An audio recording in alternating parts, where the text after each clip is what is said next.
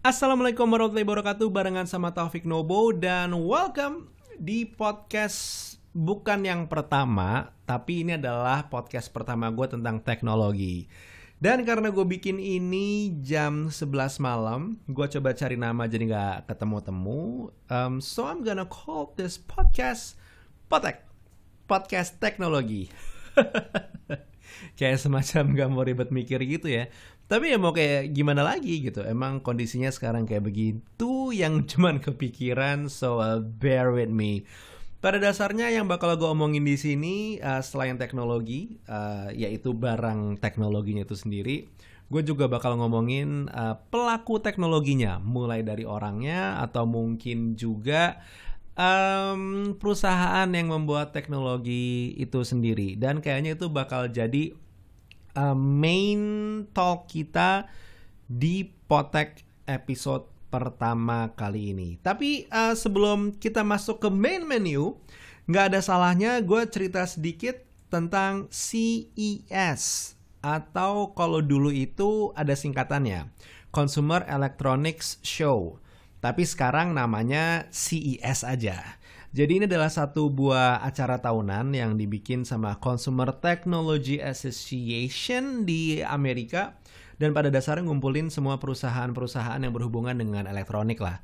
Mau itu perusahaan kecil atau mungkin perusahaan gede dan biasanya ada banyak hal-hal yang diumumin di sana dan seru-seru.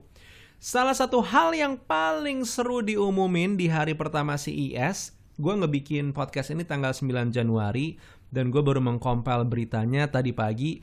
Jadi harusnya by the time lo ngedenger podcast ini, udah lebih banyak berita-berita seru dari CES. Tapi yang pasti, oke okay, ngomongin CES, uh, produk yang keluar dan dibangga-banggain sama banyak jurnalis teknologi di Amerika itu adalah Samsung Notebook 9 Pro.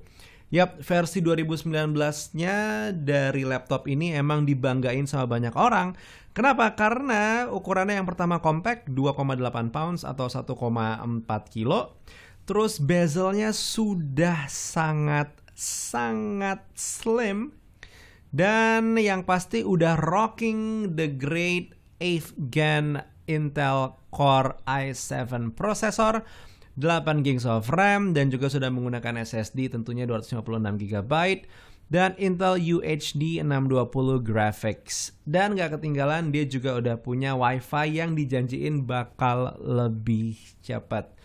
Um, gua sendiri sebenarnya kalau misalkan ngelihat penampakannya si Samsung 2019 Notebook 9 Pro ini pas gua ngelihat ya bentuknya sih uh, laptop Samsung I have uh, not a great experience with Samsung laptops before, tapi ngelihat orang-orang nge-review atau mungkin bikin hands-on dari uh, Samsung Notebook 9 Pro ini dan punya komen yang positif, gue jadi lumayan penasaran. Minimal pengen ngeliat dan juga coba-coba mungkin kayak sehari dua hari aja. Uh, semoga gue bisa megang ya. Berikutnya um, barang terakhir dari CES yang juga lumayan seru itu adalah HTC bikin, nah ini namanya gue nggak tahu nih, Vive, Vive atau Five Pro Eye headset. Yang serunya ini kan sebenarnya adalah si VR biasa gitu ya. Jadi lo tinggal pakai di kepala lo dan intinya ya dia ada jadi kayak semacam kacamata ya VR lah, virtual reality gimana sih lo makainya. Tapi yang seru, si VR ini sekarang sudah menggunakan built-in eye tracking. Jadi kalau lo mau ngelakuin satu buah action, let's say misalkan uh, mau ngebuka menu atau milihin menu, lo cukup ngeliat menunya aja. Lo nggak perlu megang, lo nggak perlu pakai controller. And it's a big deal. Karena banyak banget possibilities yang bisa lo lakuin sama produk ini. Dan kedua produk ini gue masih belum nemuin harganya karena masih baru akan di launch mungkin uh, nanti di tahun ini. Tanggal tepatnya gue belum tahu. Yang pasti ini adalah pengumuman biasa bukan launching dari kedua produk ini. So yeah, that's two things coming from CES 2019 yang mungkin akan gue tambahin juga nanti di podcast tahun depan. Eh, minggu depan. Semoga gue bikin. Dan sekarang waktunya kita ngomongin ada satu berita yang sangat menarik gue temuin itu adalah tentang face unlock yang ternyata tidak seaman yang kita kira. Sejak keluarnya iPhone 10 mungkin face unlock ini jadi salah satu um, apa ya menu atau mungkin fitur untuk ngebuka handphone yang kontroversial. Ada orang yang suka banget karena kesannya emang super futuristik lo tinggal angkat handphone lo ke muka terus tiba-tiba dar handphone lo kebuka. Tapi ada juga yang ngerasa nggak aman karena takut disalahgunakan. And you know what? Dutch Consumers Association ini ternyata melakukan satu buah studi di mana dia nyoba lumayan banyak popular phones dan dari sekitar 57 ditambah 42 tuh berapa ya? Uh, 99. Dari 99 handphone ada yang sama tipe, cuman beda RAM-nya dan juga beda storage-nya. Intinya dari total 99 handphone bisa sama merek, bisa juga sama model. 42 handphone ini gagal memenuhi tes yang dilakukan Dutch Consumers Association. Kenapa? Karena 42 handphone ini bisa dibuka face unlocknya menggunakan foto. Wow. Kebayang nggak? Kalau misalkan, let's say uh, you're in a fight sama pasangan lo atau mungkin uh, ada temen lo yang pengen ngesengin lo, in terms of pengen berbuat jahat gitu ya um, dia punya foto lo terus tinggal ngebuka handphone lo dengan cara mode face unlock and uh, he or she can do it karena punya akses ke handphone lo semudah itu.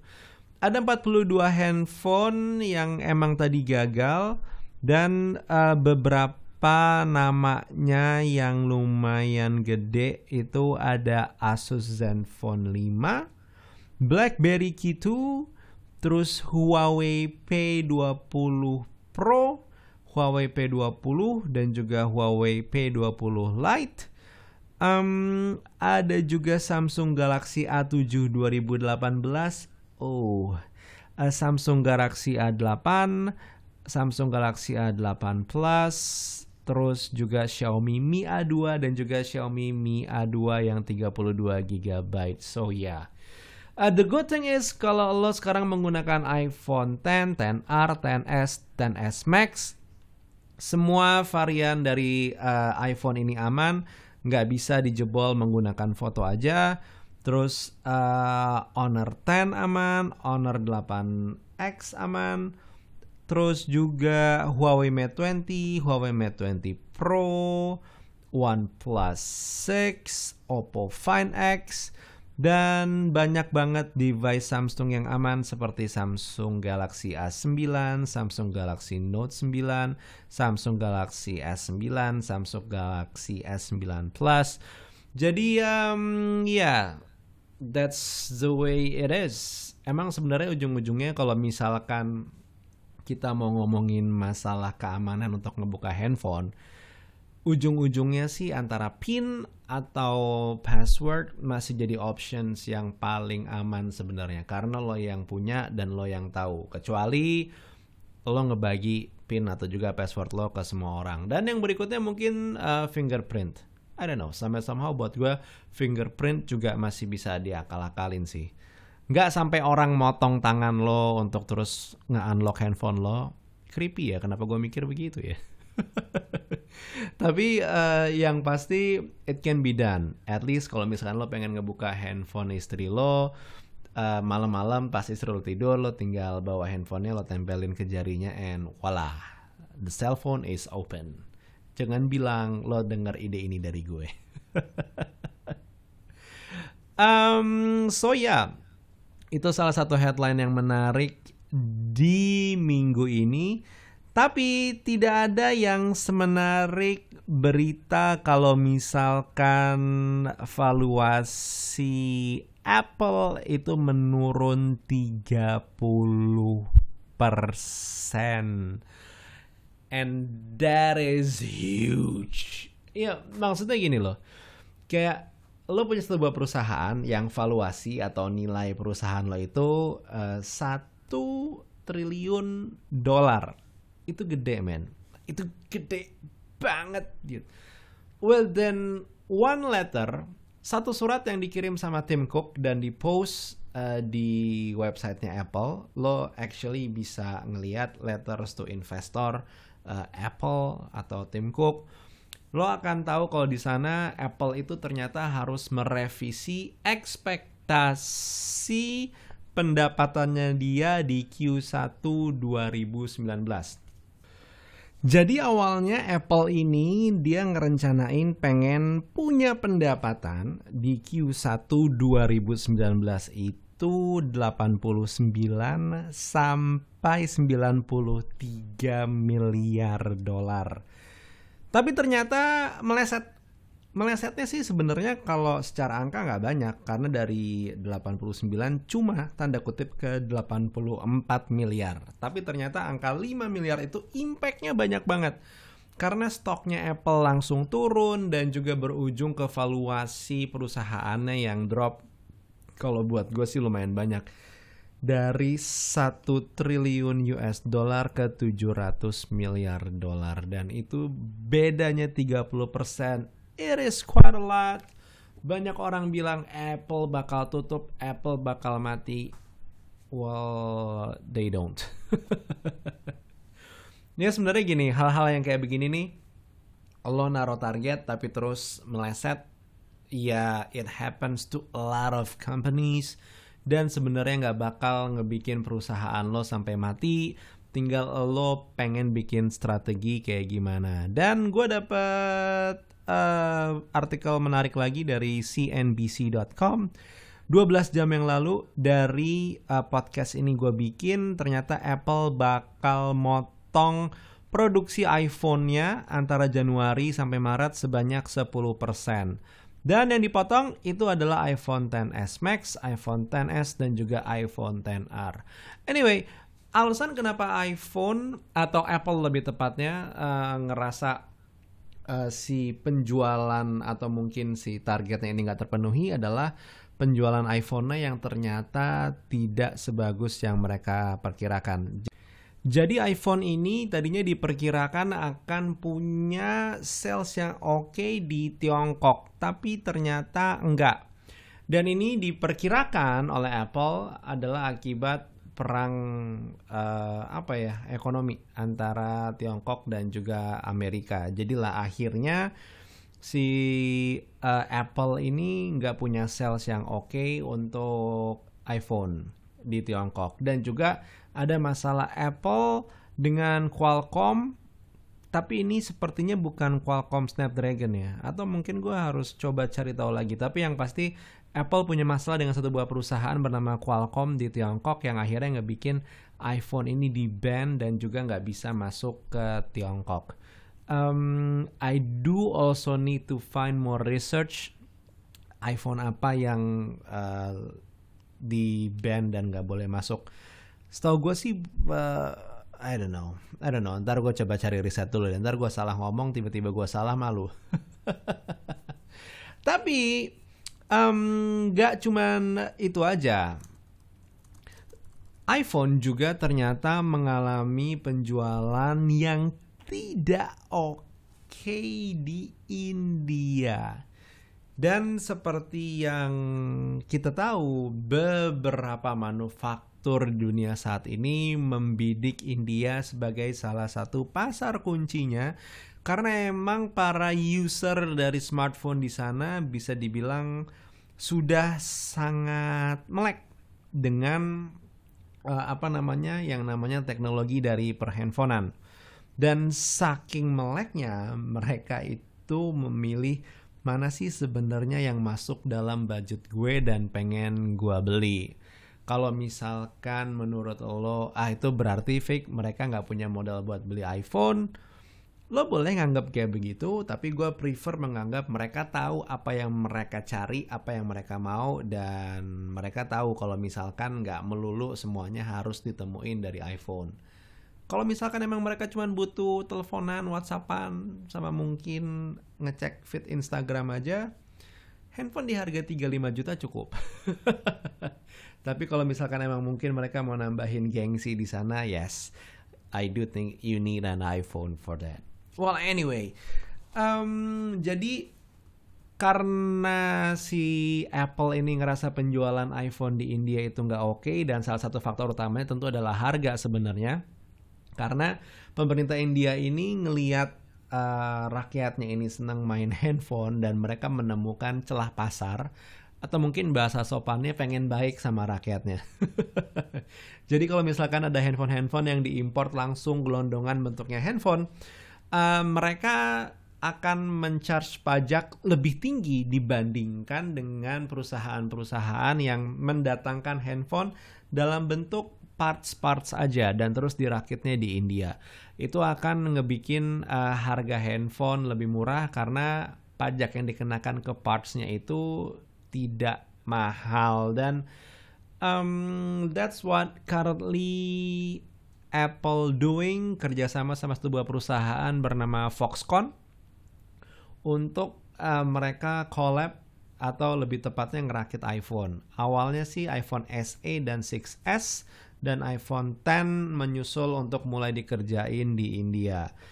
Tapi kalau misalkan lo cuma ngerasa, oh ya ini Apple kena karma karena naruh harga handphone ketinggian. Hey, you know what? baru aja gue baca kalau ternyata Samsung profit and sales will also miss estimates by a large margin. Gue baca di Techno Buffalo dan juga Mashable.com kalau misalkan Samsung Electronics itu akan merevisi uh, profit yang mereka dapetin karena memang akan turun. Jadi um, let me see.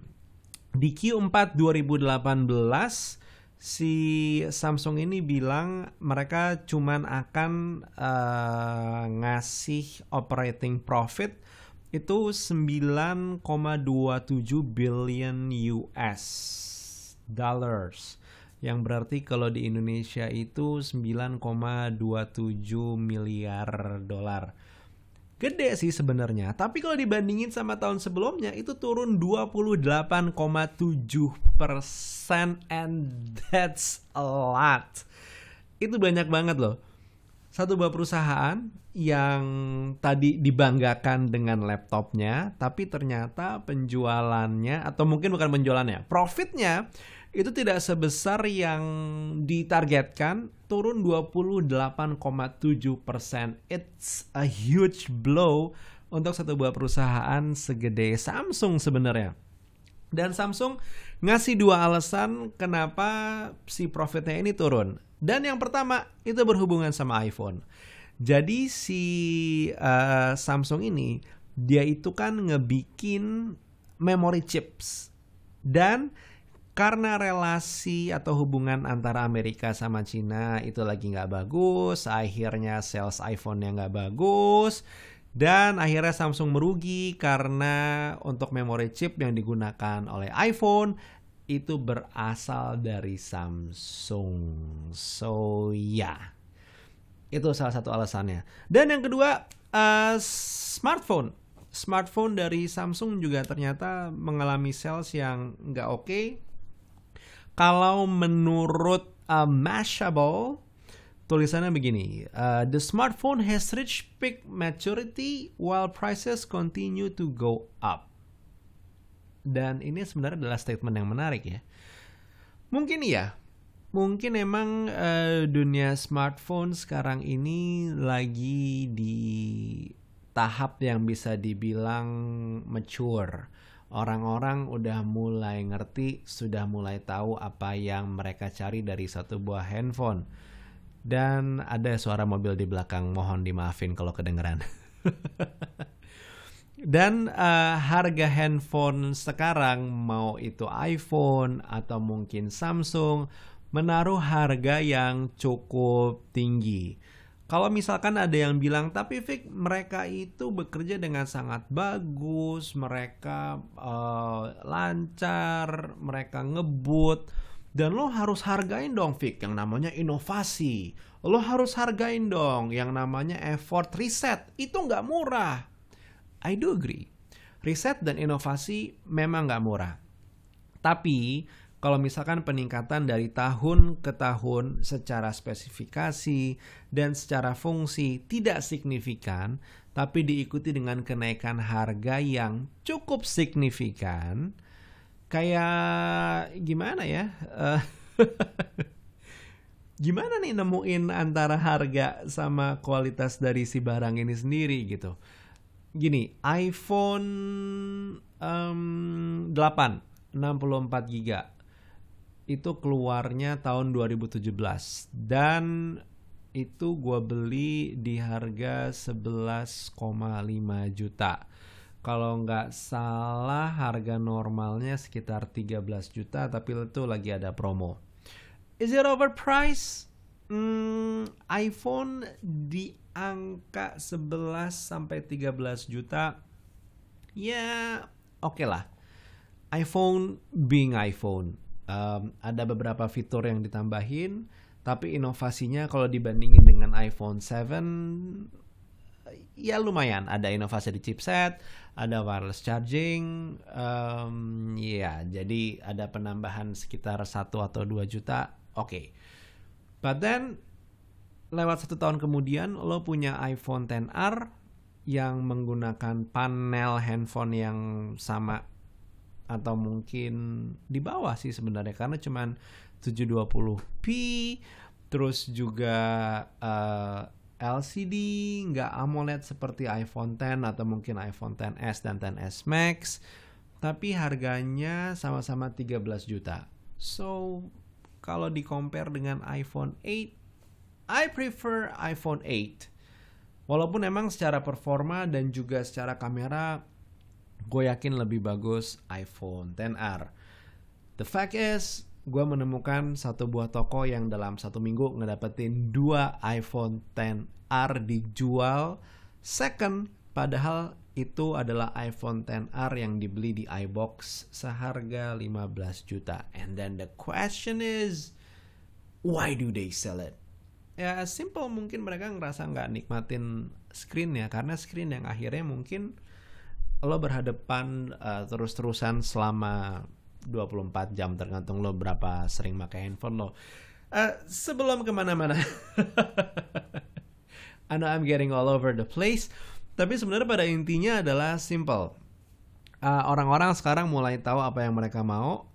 Mungkin emang orang-orang yang uh, pada dasarnya kebanyakan cari handphone belakangan lebih di area budget I actually make some kind of polling.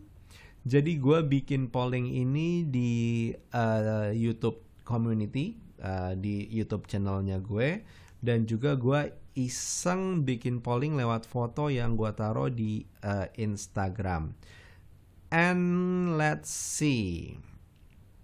Kalau di Instagram rata-rata uh, orang masih rela untuk ngeluarin handphone itu di harga ini agak tinggi sih. Kalau yang di IG gue dapetin agak lumayan tinggi, yaitu masih bisa sampai 7 juta mediannya. Nilai tengahnya 7 juta, which it's okay. Tapi begitu gue coba ngecek YouTube, emang kebanyakan ternyata jawabannya adalah di angka 3 sampai 5 juta. Ada yang menyentuh sampai angka 10 juta atau mungkin 13 juta. Tapi ya itu kata kuncinya ada dan nggak banyak. Um, Oke, okay, 13 juta. Ini ada Gilang uh, Rainsford dari YouTube dan ini komennya gue bacain. 13 juta tapi kalau harga baru handphone sampai di atas 15 juta kayaknya dia akan skip. Ada yang rela bayar sampai 8 juta dengan syarat chipsetnya udah tinggi, bahkan tertinggi, kameranya bagus lengkap, uh, baterainya awet, terus uh, kamera tadi ada wide dan juga tele. So this man know what he wants dan berani ngebayar dengan cukup tinggi yaitu angka 9 juta. Ada juga uh, M Iqbal yang bilang dia rela untuk ngebayar sampai 9 juta untuk spesifikasi seperti Huawei Mate 20 dan uh, eh, FYI buat gua Huawei Mate 20 itu adalah salah satu flagship yang paling murah yang bisa lo dapetin saat ini dengan fasilitas yang ada seperti 7 nanometer chipset, uh, Kirin 980 nama chipsetnya, terus juga lo um, bisa ngedapetin RAM yang cukup tinggi. Gue lupa ya kemarin gue pakai berapa ya? 6 apa 8 ya? I guess it's 6 kayaknya terus juga storage-nya 128 GB dengan segala kemewahan kameranya. Ada wide ada zoom ada ultra wide yang ternyata super duper kepake banget si ultra wide itu. Dan uh, ya. Anyway, uh, pada dasarnya adalah orang-orang sekarang udah tahu apa yang mereka mau dan orang-orang udah tahu apa yang mereka cari. Dan yang paling penting mereka tahu price point-nya mereka. Dan mengetahui price point itu sebenarnya satu hal yang baik. Karena akhirnya lo tahu gimana cara ngerem diri sendiri, lo akan uh, ketemu sama range harga handphone yang emang rela untuk lo bayar, lo akan tahu spek apa yang bisa lo dapetin. Dan ya ada kok orang-orang yang tetap masih bilang oh ini mahal, ini kemahalan. Atau mungkin uh, ini harganya nggak masuk akal. Masa chipset segini harganya sekian puluh juta atau mungkin harga chipset ini segini. Orang-orang yang memang berpikiran seperti itu akan tetap ada dan gue juga nggak bisa nyalahin mereka karena memang seperti yang lo lihat price point orang-orang ini sekarang adanya di harga 3 sampai 5 juta dan uh, ya kalau misalkan di atas itu pasti yang ada di otaknya mahal. Kalau gue, gue nggak bilang harga handphone itu mahal, tapi gue akan bilang harga handphone itu tinggi buat gue mahal itu relatif, tinggi itu absolut. so um, ya yeah, basically gue nggak ada kesimpulan yang pengen gue kasih, gue cuma pengen mengupdate lo kalau sekarang ini ada kondisi seperti ini. Dan kalau buat gue sendiri pada dasarnya price point 3 sampai 5 juta adalah the most popular price point at this time dan kalau emang misalkan uh, Samsung atau mungkin iPhone, Apple pengen punya satu buah barang yang baru, harus mulai dipikirin bisa ngejual handphone dengan harga 3 sampai 5 juta. Dan FYI, gue nggak bilang iPhone atau Apple lebih tepatnya untuk bikin handphone budget, tapi mulai coba pikirin yang namanya uh, refurbish atau CPO untuk mulai masuk ke beberapa negara-negara berkembang kayak misalkan India atau mungkin Indonesia. Karena kalau kita ngomongin uh, Tiongkok sepertinya emang agak sulit karena lagi ada unsur politiknya di sana. Dan hal yang sama juga mulai berlaku sama Samsung. Karena orang-orang sudah mulai bisa mendebak patternnya Samsung dalam uh, membuat device. Although Samsung Galaxy S10 mungkin bisa menjadi satu buah device yang menarik karena mulai ditunggu-tunggu sama orang. Karena apa ya sebutannya ya? Si kamera yang bolong donat. Kalau orang-orang Indonesia bilangnya tompel. Yang ada di layarnya itu. Um, it might get interesting karena akhirnya beberapa device kayak Huawei Nova 4 terus juga Honor apa ya Honor apa ya yang udah keluar ya dengan tipe seperti 8A atau apa gitu namanya. Tapi udah mulai rolling juga device dengan uh, layar yang bolong jadi ada kameranya di atas pojok atas. Um, ya yeah, we'll see, we'll see. Seperti apa permainannya Samsung untuk tahun ini dan seperti apa permainannya Apple untuk tahun ini kita akan melihat apakah kedua raksasa ini will do something atau mungkin akan kegilas sama Huawei yang tiba-tiba masuk ada di tengah-tengah.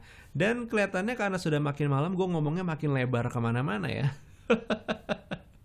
Mulai tidak fokus. So I guess uh, I will end this podcast now sebelum gue ke mana-mana. Tapi boleh kali kalau misalkan emang lo lagi pengen diskusi tentang apa pun tentang teknologi atau mungkin ada hal yang pengen lo sampein uh, boleh mention gue di Twitter atau juga di Instagram uh, @taufiknobo biasanya sih gue super duper uh, aktif untuk ngejawabin ya walaupun sekarang kayaknya perlu waktu agak sedikit lebih banyak dibandingin sebelumnya. And please do hit my YouTube channel.